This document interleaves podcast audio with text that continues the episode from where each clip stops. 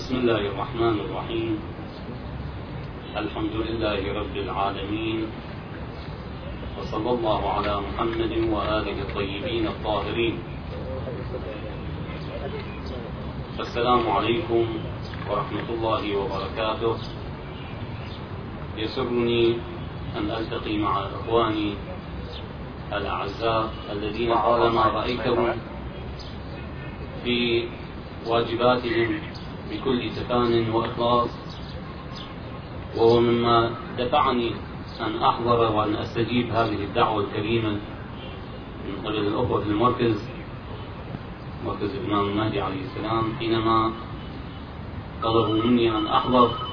عند الأخوة قلت أنني فرح وسعيد حينما ألتقي بالأخوة منتسبي شرطة المرور لما أجد واقعا وبدون أن أكون هذا الكلام أن يكون أمامكم. إنما حينما أرى تفانيكم وإخلاصكم في إداء العمل وإداء الواجب أشكر الله تعالى أن رزقنا الله تعالى هكذا حريصين منتسبين في عملهم وجادين في عملهم خدمة لأمير المؤمنين عليه السلام. والفضل هذا إن شاء الله يرجع إلى الإدارة. الكريمة المباركة التي تدفع بكم إلى أن تنالوا هذا الشرف شرف خدمة هذه المدينة. كثير ما نسمع في ثقافة الإمام المهدي عليه السلام في الثقافة المهدوية موضوع علامات الظهور.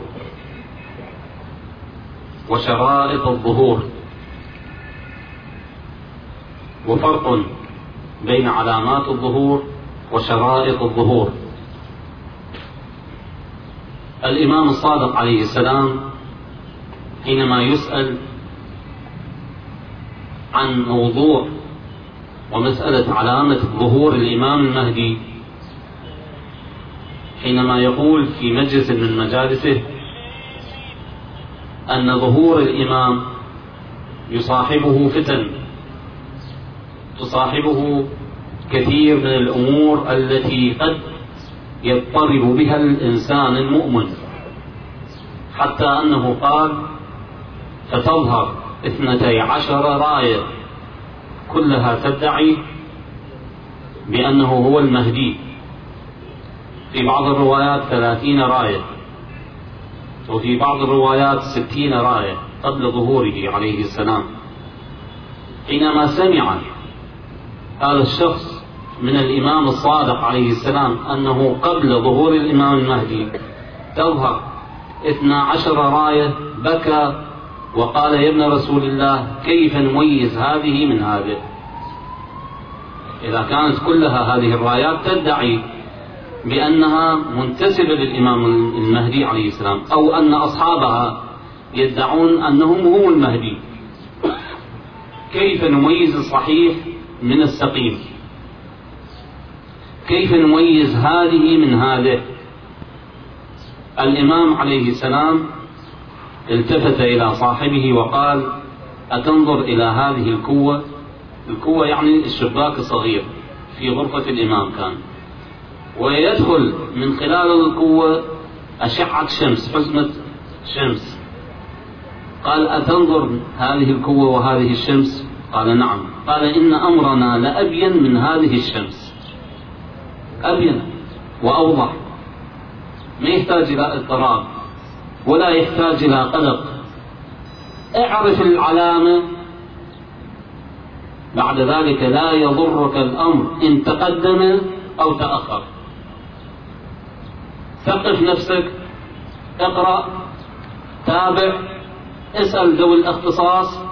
بعد ذلك لا يضرك إذا تأخر ظهور الإمام عليه السلام أو تقدم ظهوره الطاعة قضية ضمان اطمئنان حتى لا يضطرب من هنا وهنا. حينما تظهر دعاوى عن الإمام المهدي عليه السلام لا يضطرب بعد ذلك. يقول هذه مشخصات عندي وهذه علامات وهذه شرائط. متى ما اكتملت هذه الشرائط وهذه العلامات بعد ذلك أعرف أن ظهور الإمام قد حل. وأن الذي يدعي بأنه هو الإمام المهدي أصدقه وأتبعه. طيب كيف الإمام المهدي الإمام الصادق عليه السلام بين لشيعته هذه العلامات؟ حتى لا يضطرب أولئك الذين يتبعون أئمة أهل البيت عليهم السلام. كيف؟ من المحتومات التي لا تتغير ولا تتبدل أبدا. يعني لا بد أن تتحقق. هذه العلامات الحتمية مقابلها شنو؟ علامات غير حتمية. مقابل هذه العلامات الحتمية علامات غير حتمية. الحتمية يجب أن تتحقق. يجب. وأما غير الحتمية قد تتحقق وقد لا تتحقق بمصلحة يراها سبحانه وتعالى. أولى هذه العلامات الحتمية في ظهور السفياني. أولى علامات الحتمية العلامات المحتومة ظهور السفياني. والعلامة الأخرى ظهور اليماني. العلامة الأخرى الثالثة ظهور الخراساني. العلامة الرابعة هي الصيحة. الصيحة. العلامة الخامسة قتل النفس الزكية. وهكذا. لكن المعروف بين علمائنا أنها خمسة. لا بد أن تتحقق هذه. أولى هذه العلامات. يجب أن تتحقق لظهور السفياني. هذه العلامات قبل أن تتحقق حينما نقرأها لا يعني علينا أن نطبق هذه العلامة على هذا الشخص. يعني فرضا حينما يأتي لنا شخص ويقول أن السفياني ظهر. ظهور السفياني من المحتوم صحيح. والسفياني هو حسب ما أشير في الفترة الأخيرة. حينما كان الزرقاوي المقبور موجود قالوا أنه سمعنا. بل تصورنا تصور البعض بأن السفياني هو الزرقاوي الموجود في العراق. كيف؟ لأنه قالوا قرأنا بأن أن السفياني يقتل من شيعة أهل البيت ما لا يحصيه إلا الله تعالى. والزرقاوي أيضا يقتل يعني همه أن يقتل شيعة أهل البيت. ليس إلا. فإذا هذه علامة قد تحققت ولا يمكن أن تتخلف. هذه طبعا هذه إشاعة يعني. مو إشاعة إنما تفاؤل. كثير من الناس تفاءلوا بأن ظهور السفياني إذا تحقق يعني تحقق معه ظهور الإمام عليه السلام. قلت لهم لا يمكن لنا أن نطبق هذا على هذه الشخصية. وهذه العلامة على تلك الشخصية. وهكذا. يجب أن نتأمل في كل هذه الشخصيات. صحيح نحن نأمل أن يتحقق ظهوره عليه السلام غدا. نأمل. ولا نعلم. لعل الله تعالى أن يجعل في ظهوره غد أو بعد غد أو بعد شهر أو بعد سنة. لا نعلم. لا نعلم. لمصلحة يرتئيها سبحانه وتعالى. وسنتعرض إلى الشرائط. إذا تحققت هذه العلامات مع هذه الشرائط التي سنذكرها لا بد سبحانه وتعالى أن يتخذ قرار ظهوره عليه السلام ليملأها قسطا وعدلا بعدما ملئت ظلما وجورا. أولى هذه العلامات التي قلنا هي السفياني. ظهوره حركته. كثير من الروايات تقول أن السفياني رجل من بني أمية. أموي, من أولاد يزيد بن معاوية. وطبعا أهل السنة أيضا يعترفون بذلك. يقولون رجل ينتسب إلى يزيد بن معاوية. للأسف الشديد بعض الكتاب من أهل السنة قالوا هو ليس بأموي إنما هو مرواني وقالوا أنه هذا المرواني هو لا ينتسب إلى مروان ابن الحكم إنما مروان آخر وبعضهم هكذا. أرادوا أن يبعدوا هذه القضية لكن المسألة مسألة واضحة وموجودة في صحاح أهل السنة. الروايات تقول أن هذا السفياني رجل ينتسب إلى بني أمية. في ذلك الوقت سيكون هناك اضطراب في بلاد الشام اضطراب سياسي. تداعيات سياسية معادلات سياسية تضطرب في بلاد الشام. بلاد الشام سوريا لبنان الأردن فلسطين. الروايات تقول الكور الخمسة وتجعل الخامسة هي حمص. مع أن حمص تابعه إلى سوريا. تحدث هناك اضطرابات يتخلخل الوضع السياسي في بلاد الشام. وبلاد الشام معني منه هي سوريا. وهذه البلدان الأخرى هذه الدول الأخرى المجاورة لبلاد الشام ملتحقة ببلاد الشام جغرافيا. يعني الأردن وفلسطين ولبنان تلتحق إلى تلتحق إلى سوريا وكلها يقال عنها بلاد الشام. يضطرب الوضع تكون هناك معادلات متخلخلة قوى صغيرة متنافسة فيما بينها. كلها تريد أن تصعد إلى الحكم. الحكم في سوريا في ذلك اليوم في بلاد الشام سيضطرب وسيضعف حتى يأتي شخص مجموعة من الأشخاص تحددهم الروايات بسبعة. سبعة يأتون إلى السفياني ويقولون له قم ونحن معك. يعني المسألة مسألة غلبة. من يكون أقوى واللي عنده أتباع واللي يتوجه إلى أن ينال الحكم فهو الرابح في ذلك اليوم. سبع نفرات يقول السفياني يضطرب يخاف مضطرب. دائما معروف أن الإنسان الظالم مضطرب. الإنسان الظالم دائما خائف مهزوز لأنه يعلم أن ضميره يؤنبه. فلذلك مرتجف. حينما تطرح عليه هذه الفكرة يتردد. يقولون قم ونحن معك. الروايات تقول أنه يرى رؤيا كأنه يدعى إلى أن يقوم ليأخذ الحكم هناك. هذه الرؤيا من أين؟ ما هي دوافع ودواعي هذه الرؤيا؟ لعله في دواخل هذا الرجل السفياني في دواخله أنه يحلم للصعود إلى كرسي الحكم يتحرك السفياني مع هؤلاء ويتبعونه مجموعة من الناس مجاميع. يبدأ من وادي الرملة من الرملة من الوادي اليابس. الوادي اليابس الآن على الخارطة إذا تشاهدون خارطة بلاد الشام تجدون أن بلاد الرملة في الوادي اليابس بين فلسطين وبين سوريا. أقرب إلى سوريا يكون. يعني جنوب شرق سوريا تقريبا. بس هي ملتحقة بسوريا. الرملة بلاد الرملة الآن الآن بلد موجود وهي لعلها يعني ناحية أو قرية وليست ببلد واسع وكبير. لكن هذه الرملة أو هذه المنطقة معروفة قديما. يتحرك ينتسب إلى هذه البلدة يتحرك من الرملة ويتوجه إلى العاصمة إلى دمشق. يقول حينما يتوجه إلى دمشق يسمع حاكم دمشق بهذا التحرك العسكري رأسا يترك الأمر وينهزم ويستولي السفياني وأصحابه على الحكم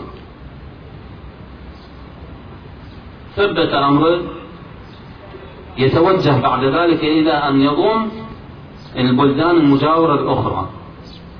بالتأكيد هناك كما قلنا عراك سياسي. منافسة سياسية فيما بين هذه البلدان. تتساقط بلد بعد بلد. تنضم إلى سوريا تنضم إلى السفياني السفياني في وقت وجوده يفكر في ماذا؟ في تصفية المعارضة الموجودة في بلاد الشام في دمشق خصوصا. الروايات تقول أن هناك رايات. هذه الرايات هي معارضات حركات سياسية أو حركات عسكرية صغيرة. كلها تريد أن تصل إلى الحكم وكلها تحاول أن تنافس السفياني للوصول إلى هذه إلى هذا المقام وهذه المرتبة.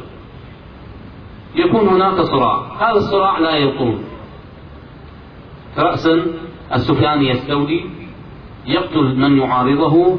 بعض الروايات تقول هناك رايات هي راية الأصهب راية الأصهب. الأصهب يبدو أنه يعني قد علامة في هذا الشخص يسمى بالأصهب. هذه الراية حركة عسكرية صغيرة تتمرد على السفياني. تحاول أن تصل إلى الحكم بعد ذلك يصدها السفياني وتنتهي. وراية أخرى غير راية الأصهب هي راية المغربي يبدو أن راية المغربي تبدأ من مصر. تبدأ من مصر وتتحرك نحو بلاد الشام. حينما يصل هذا المغربي هو اسمه المغربي لكنه موجود في مصر يحكم مصر في ذلك الوقت. لعله نسبه من المغرب أو هو لقبه المغربي وهكذا. يتوجه إلى بلاد الشام للاستيلاء على بلاد الشام. يكون هناك صراع فيما بين السفياني وفيما بين المغربي ينتهي المغربي بعد ذلك. إذا تصفو الأمور للسفياني ويستولي السفياني بعد ذلك على هذه البلدان. السفياني يسمع في ذلك الوقت بعد فترة يسمع أن هناك تحرك تحرك في المدينة في المدينة المنورة. هذا التحرك سببه تحرك ظهور الإمام المهدي عجل الله فرجه الشريف لكن ظهور خفي. ظهور خفي غير ظاهر. يعني ظهور أولي. سبب هذا الظهور أن الإمام عليه السلام يريد أن يرتب أمور أصحابه يستدعي أصحابه. كما هو معلوم أن أصحابه 313 لكن مو معنى أن 313 هؤلاء فقط هم أصحاب الإمام هؤلاء قادة قادة يأتي بهم الله تعالى للإمام عليه السلام يهيئهم للإمام. هؤلاء القادة منهم من يحضر من من هو موجود ولا نعلم لعله في عصرنا هذا موجود. لعله في العصر في المستقبل يوجد. وكثير من الروايات تقول إضافة إلى هؤلاء. أيضا الله سبحانه وتعالى يجعل إمكانية الرجعة عند هؤلاء الأموات ويسميهم بأسمائهم. منهم أصحاب الكهف ومنهم أنصار الحسين عليه السلام يلتحقون مع الإمام المهدي عليه السلام. هؤلاء قادة يهيئهم الإمام المهدي عليه السلام. هذه الحركة ستقلق السفياني. لأنه حينما يبدأ ظهور الإمام عليه السلام بعض الروايات تقول أن ظهوره سيكون في يوم العاشر من المحرم. يوم العاشر من المحرم. بعض المؤمنين الذين يقرؤون علامات الظهور ويتثقفون على ثقافة الإمام المهدي عليه السلام حينما يذهبون إلى الحج ويعلمون أن كأنه هذه السنة مثلا أن هذه السنة هي ظهور الإمام. يوفقون إلى الحج. بعض الناس يبقون في مكة ولا يخرجون منها لأنهم يتأملون أن هناك سيكون هناك ظهور للإمام المهدي ولعلهم سيوفقون بالالتحاق مع الإمام عليه السلام. ولذلك سينتظرون ينتظرون في مكة. وبعد ذلك يتحركون إلى المدينة ليراقبوا الوضع عن كثب الإمام المهدي عليه السلام يجمع أصحابه هذه القيادات. حينما يسمع السفياني بهذه الحركة يبدأ بالتحرك يبدأ بالمسير يبدأ من بلاد الشام متوجها إلى العراق. يتوجه في أول محطة من محطاته إلى العراق. السبب في ذلك السبب في ذلك أن الإمام المهدي عليه السلام سيتخذ الكوفة عاصمة له. يتخذ الكوفة عاصمة له. وسيكون مسجد الكوفة مسجدا لشؤونه الرسمية. ومسجد السهلة مقاما لأهله ولعياله. يعني لاحظوا هذه المدينة الكريمة. عظم هذه المدينة وعظم هذه المسؤولية التي من الله عليكم فيها. أن تخدمون هذه المدينة سيكون مسجد السهلة عاصمة مكان لأهله. وسيكون النجف مكان تردده عند زيارته لجده أمير المؤمنين عليه السلام. إذا هذه المنطقة ستكون منطقة منطقة عالمية بعد ذلك. ستكون هذه المنطقة عاصمة العالم بعد ذلك. لذلك اهتمام المسلمين بل اهتمام العالم كله منصب الآن على هذه المنطقة قلنا يتحرك السفياني إلى العراق ويتوجه في بادئ الأمر عن طريق الموصل. هكذا الرواية. عند وصوله إلى الحدود العراقية التركية سيكون هناك التحام بينه وبين قوى تركية. ستكون هناك يعني مقتلة عظيمة وقتال عنيف بين قوات السفياني وبين قوات الأتراك. لماذا؟ طبعا بعض الروايات تعلل أن هذا القتال سيكون سببه هو صراع على جبل من ذهب. أم قتال سيلاقيه ويعانيه السفياني هو هذا القتال؟ بينه وبين الأتراك وبين مجاميع أخرى. سبب ذلك يقول تقول الروايات أن هناك جبل من الذهب يظهر على شاطئ الفرات يتقاتلون. أيهما يسبق الآخر للحصول على هذا الجبل من الذهب؟ يكون هناك قتال قتال عنيف. حتى تقول الروايات ما خلق الله تعالى منذ آدم حتى يوم هذا القتال كهذا القتال من عنف ومن دماء ومن إلى آخره حتى يقال أن هذه الجثث تتغذى عليها الطيور والوحوش وتطلق عليها الروايات مأدبة الله. بعد ذلك حينما تكون الكفة ترجح لأحد الطرفين حينما يصلون إلى هذا الجبل لم يجدوا شيئا.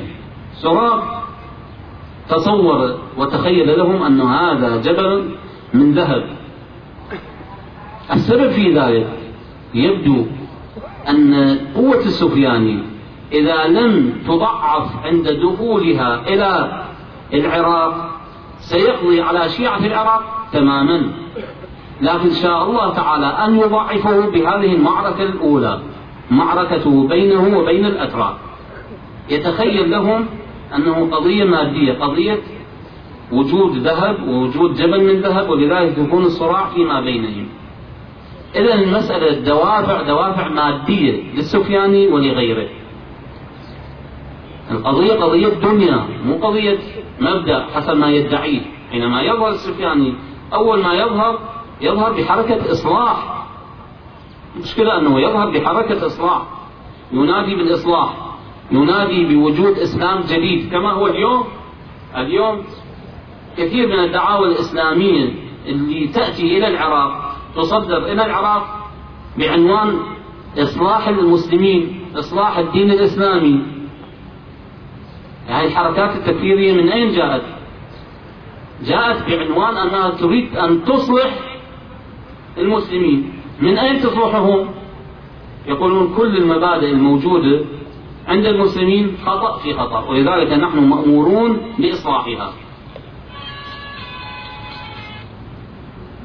إذا المسألة أول ما يرفع السفياني شعار الإصلاح شعار حركة مظلومين حركة محرومين.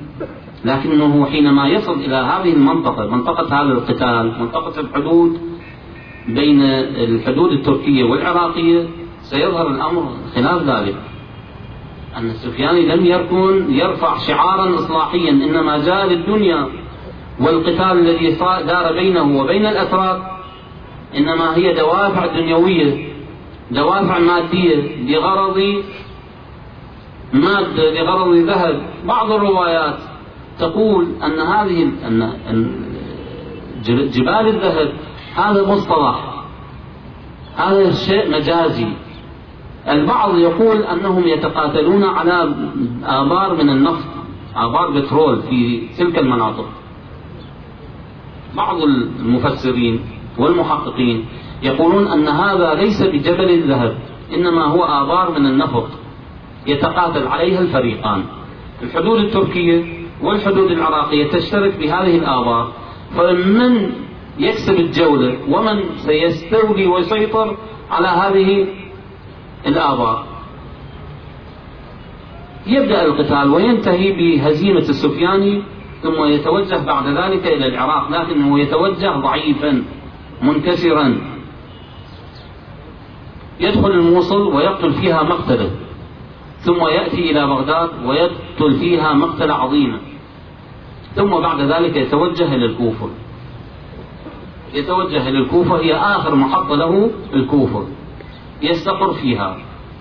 كثير من الروايات تقول أنه يقتل السفيان يقتل على الهوية. من اسمه حسن أو حسين يقتل. من اسمه فاطمة من النساء تقتل. هذا طبعا المقدس الشافعي. مو كلامنا نحن فقط؟ كلام حتى أبناء السنة. علماء السنة يقولون بذلك. انظر إلى البدء والتاريخ. يذكر حركة السفياني يقول هذا الرجل أهوج. بحيث يقتل من اسمه حسن وحسين. لا لشيء فقط اسمه هذا. يعني ليكون أنه نحن نعيش في وقت أو في عصر عجيب. حقيقة هذا العصر سيكون ممهد لعصور أخرى قادمة قتل على الهوية قتل على الاسم قتل على الانتماء قتل على المذهب. لكن الغلبة بعد ذلك لله تعالى ولأهل بيته ولأتباعهم يعني لا يصير عندنا إحباط. ليس عندنا إحباط. ليس عندنا انخذال. كل ما نسمع من زعزعة ومن غلبة لبعض هؤلاء التكفيريين يكون عندنا حالة إحباط. لا بالعكس. صدقوا نحن منتصرون. لكن مسألة وقت مسألة صبر صبر وإيمان. تحتاج إلى إيمان. النبي صلى الله عليه وآله في بعض معاركه خسر أصحابه. في معركة أحد وزلزلوا وزلزلوا حتى قالوا متى نصر الله؟ أيسوا من نصر الله؟ يئسوا. ألا أن نصر الله قريب. ألا أن نصر الله قريب. اصبروا وصابروا ورابطوا واثبتوا. المسألة مو مسألة مظاهر مادية أن يقتل عشرة أو عشرين. صحيح يحز في نفوسنا حينما نرى أتباع أهل البيت عليهم السلام يقتلون بدون سبب. بالأمس أو قبل يومين في تفجير إرهابي قدر في كربلاء عوائل ذهبت أبرياء ذهبوا أبرياء أنا أعرف عائلة سبعة نفرات أم وستة أطفال. ذهبوا هكذا. أي جهاد هذا؟ أي دين؟ أي نبي يأمركم بذلك؟ ما أدري. يعني إذا كان أكو نبي يأمر قولوا لنا. قولوا أن النبي قال اقتلوا من شئتم. وأنتم ترون حينما دخل النبي صلى الله عليه وآله إلى مكة قال اذهبوا فأنتم الطلقاء مع أنهم كانوا متآمرين عليه يريدون قتله يريدون الإطاحة به. فعلوا ما فعلوا به. ما أوذي نبي كما أوذيت. قال ما الذي ترون أن أفعله معكم حين حين دخولي إلى مكة؟ قالوا أخ كريم وابن أخ كريم. يعني حالة الضعف والانكسار بانت عليهم عندما دخل النبي إلى مكة. قال إذا اذهبوا فأنتم الطلقاء. أطلقهم النبي. عفى عنهم. هذا خلق النبي. مو خلق النبي أن تقتل نساء أطفال أبرياء. من أجل لا شيء. من أجل لا شيء. يعني لو يتصور الإنسان العاقل أنه ما الذي حققه هذا الإرهابي المجرم القدر في قتل هؤلاء الأبرياء يقول لا شيء. كل إنسان عاقل حينما يقدم على قضية معينة يحتمل واحد بالمئة نجاح هذه القضية نجاح هذا الهدف. أما إذا ماكو واحد بالمئة أن يحقق نجاحا أو يحقق مصلحة معينة هذا حماقة. حماقة هذه. أي دين أي إسلام أي مبدأ أي غيرة أي إنسانية أي إنسانية. في تاريخ العالم في تاريخ الشعوب لم نجد ما لاقاه الشعب العراقي وما عاناه الشعب العراقي من مظلومين. قبل أن يكون صدام في وقت صدام قتل ما قتل وبعد صدام قتل ما قتل من الناس بدون سبب مجرد انتمائهم لأهل البيت عليهم السلام. نفس الحالة. حينما يأتي السفياني يعمل نفس ما يعملوه هؤلاء. يقتل على الهوية بدون حساب وبدون عدل. لكن ستلحقه الهزيمة بعد ذلك. كيف تلحقه؟ طبعا في رواياتنا أن هناك ستكون حركتان مو متلازمتان في وقت واحد. حينما يصل سفيان إلى الكوفة تبدأ حركة جديدة هي حركة اليماني وحركة الخراساني متوجهة إلى الكوفة لاستنقاذ شيعة أهل البيت عليهم السلام. إلى هنا لا أريد أن أطيل عليكم. يبدو أن الشمس أحرقتكم و يمكن الاستيعاب أيضا ما كان يكون يعني جيد ولذلك أنا أعتذر عن إذا كانت هناك اطاله لكن إذا كانت هناك أسئلة يتفضل بها الأخوة ومن أحرقته الشمس فهو معذور. السفياني نعم. يخرج من سوريا. نعم. زين القوة الأوروبية الموجودة والجبروت الموجود حاليا والقوة العسكرية في وقتها موجودة. يعني يعني يصير قتال بالعراق شمال العراق بين تراك وبين حركه السفياني نعم. هاي القوة شنو دورها بهذا الموقف؟ يعني شنو دورها في الموضوع؟ تبقى صامته حالفا مع السفياني لأنه الروايات تقول أنه يتنصر يعني كان مسلما يرفع شعار المسيحية يرفع شعار الصليب يرفع الصليب ويتنصر ويدعي ما ليس يعتقده. بعض الروايات تقول أنه هو أصله مسيحي وبعض الروايات أنه يقول يتنصر هو يعني يدعي بالنصرانية فيرفع شعاره الصليب ومعنى ذلك أن هناك تحالف بينه وبين دول الغرب سيدنا ذكرت قبل لحظات نعم.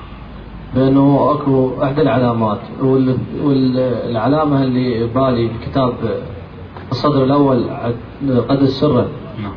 آه، تدخل رايات من خراسان تتوقف بالكفل فهذا إحدى العلامات. نعم. وما نعرف تفسيرها وقوفها بالكفل بعد. تقدم وهذه نهايتها نعم. شكرا. طبعا هذه الرايات هي رايات الخراسانية. تأتي من خراسان من بلاد خراسان. هذه الرايات تسمى بالرايات السود. في بادئ الأمر بني العباس أرادوا أن يجعلوا هذه العلامات لهم. أبو مسلم الخراساني حينما أراد أن يبدأ بثورة على الأمويين للعباسيين جاء من خراسان حاملا رايات السود. يحمل رايات السود هو وجيشه. وقالوا هؤلاء أصحاب الرايات السود هم على حق. طبعا الروايات سنة وشيعة يقولون أنه أصحاب رايات السود. يأتون من بلاد فارس من خراسان يدخلون إلى العراق. أبو مسلم الخراساني رفع هذه الرايات. أراد أن يموه على الناس على أنه هو صاحب الرايات السود. الإمام الصادق عليه السلام قال الرايات السود الصغار. حددها. حينما سمع بأبو مسلم الخراساني قال ليس هذه الرايات رايات السود الصغار. بعض الروايات تقول رايات السود الصغار لعله العمائم السود.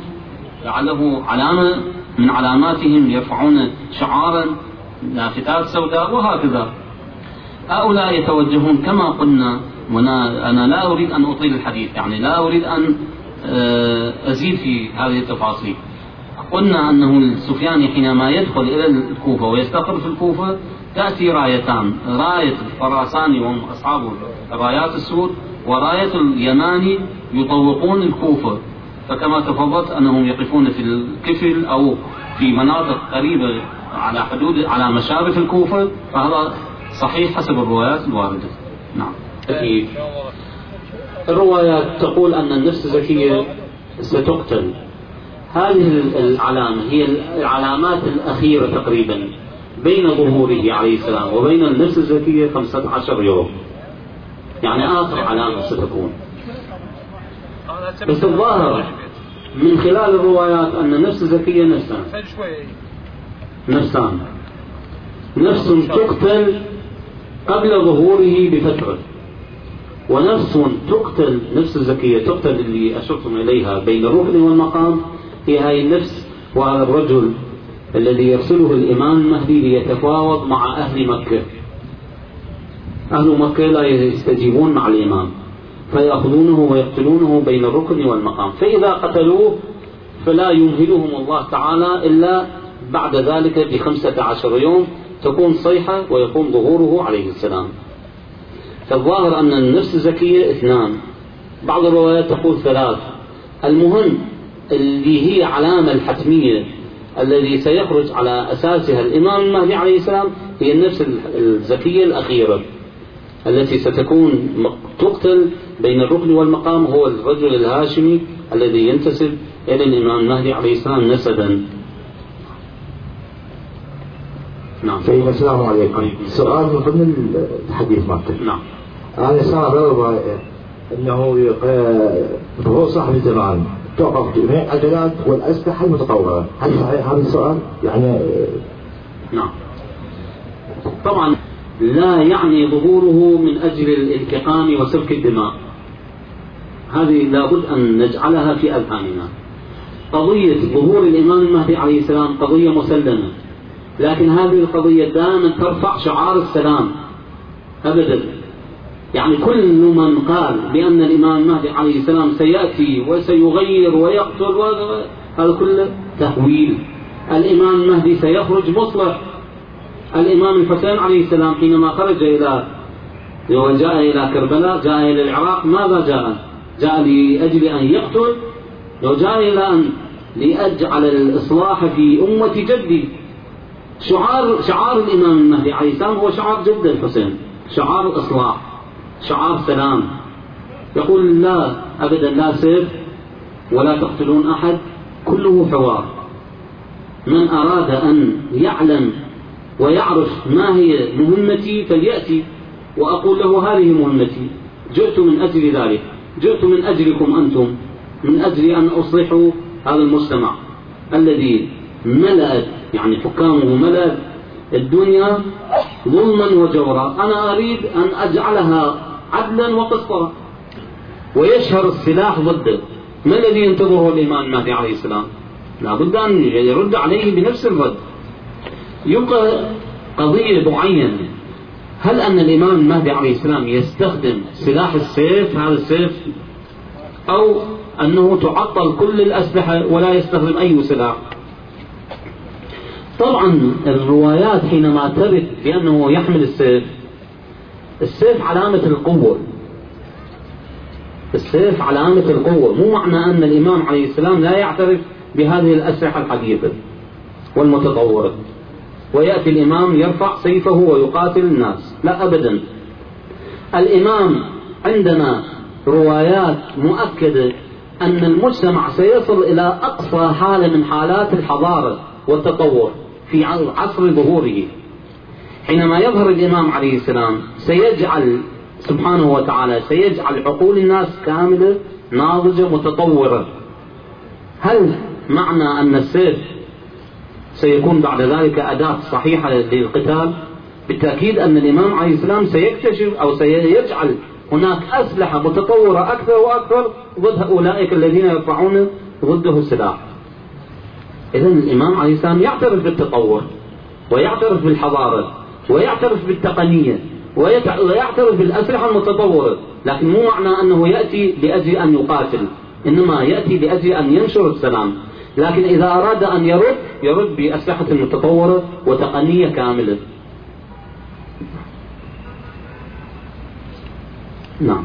إلى الخضراء التي تحدثت عنها الروايات وهذه الجزيرة الخضراء منطقة لا آه، لم يصل إليها أحد ولم تكتشف لحد الآن.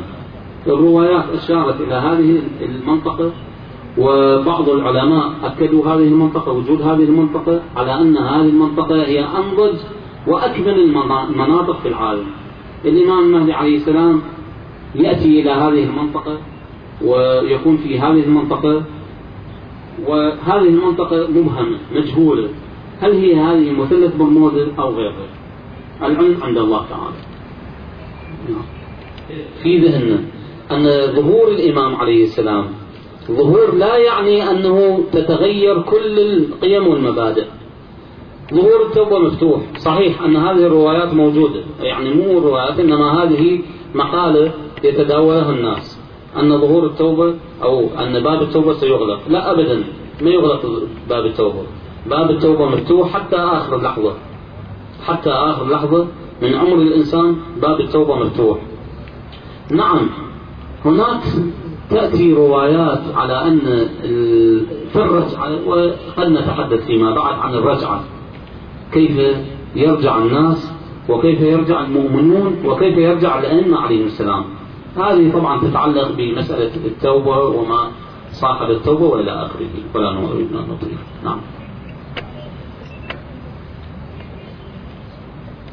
الله صل على محمد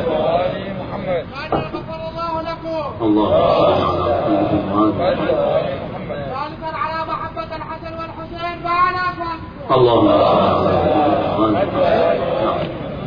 السلام عليكم سيدنا. عليكم السلام ورحمة الله.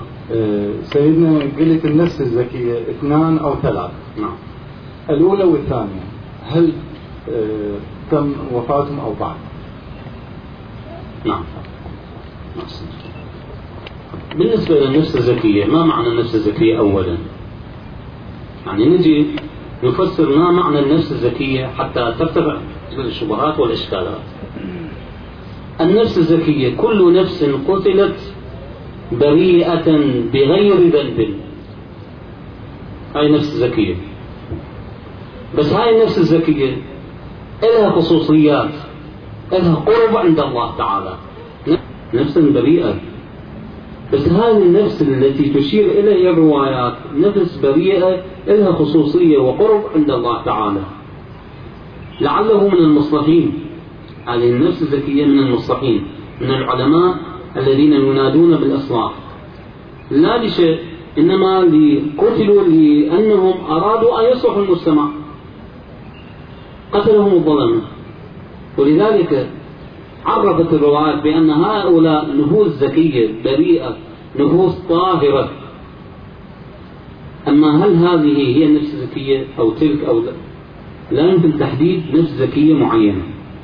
كل نفس سعت لله تعالى وبلغت لله تعالى وقتلت ظلما وعدوانا هي نفس زكية أجدون من قبل هذا الرجل وهو شاب ينتسب إلى الإمام المهدي عليه السلام رجل هاشمي سيد ينتسب إلى الإمام المهدي عليه السلام يأتي لأهل مكة ويقول لهم أن الإمام المهدي جاءكم بهذه الأطروحة أطروحة إصلاح ما جاءكم إلا لأن يصلحكم وليس لغرض منصب حكومي أو درجة معينة.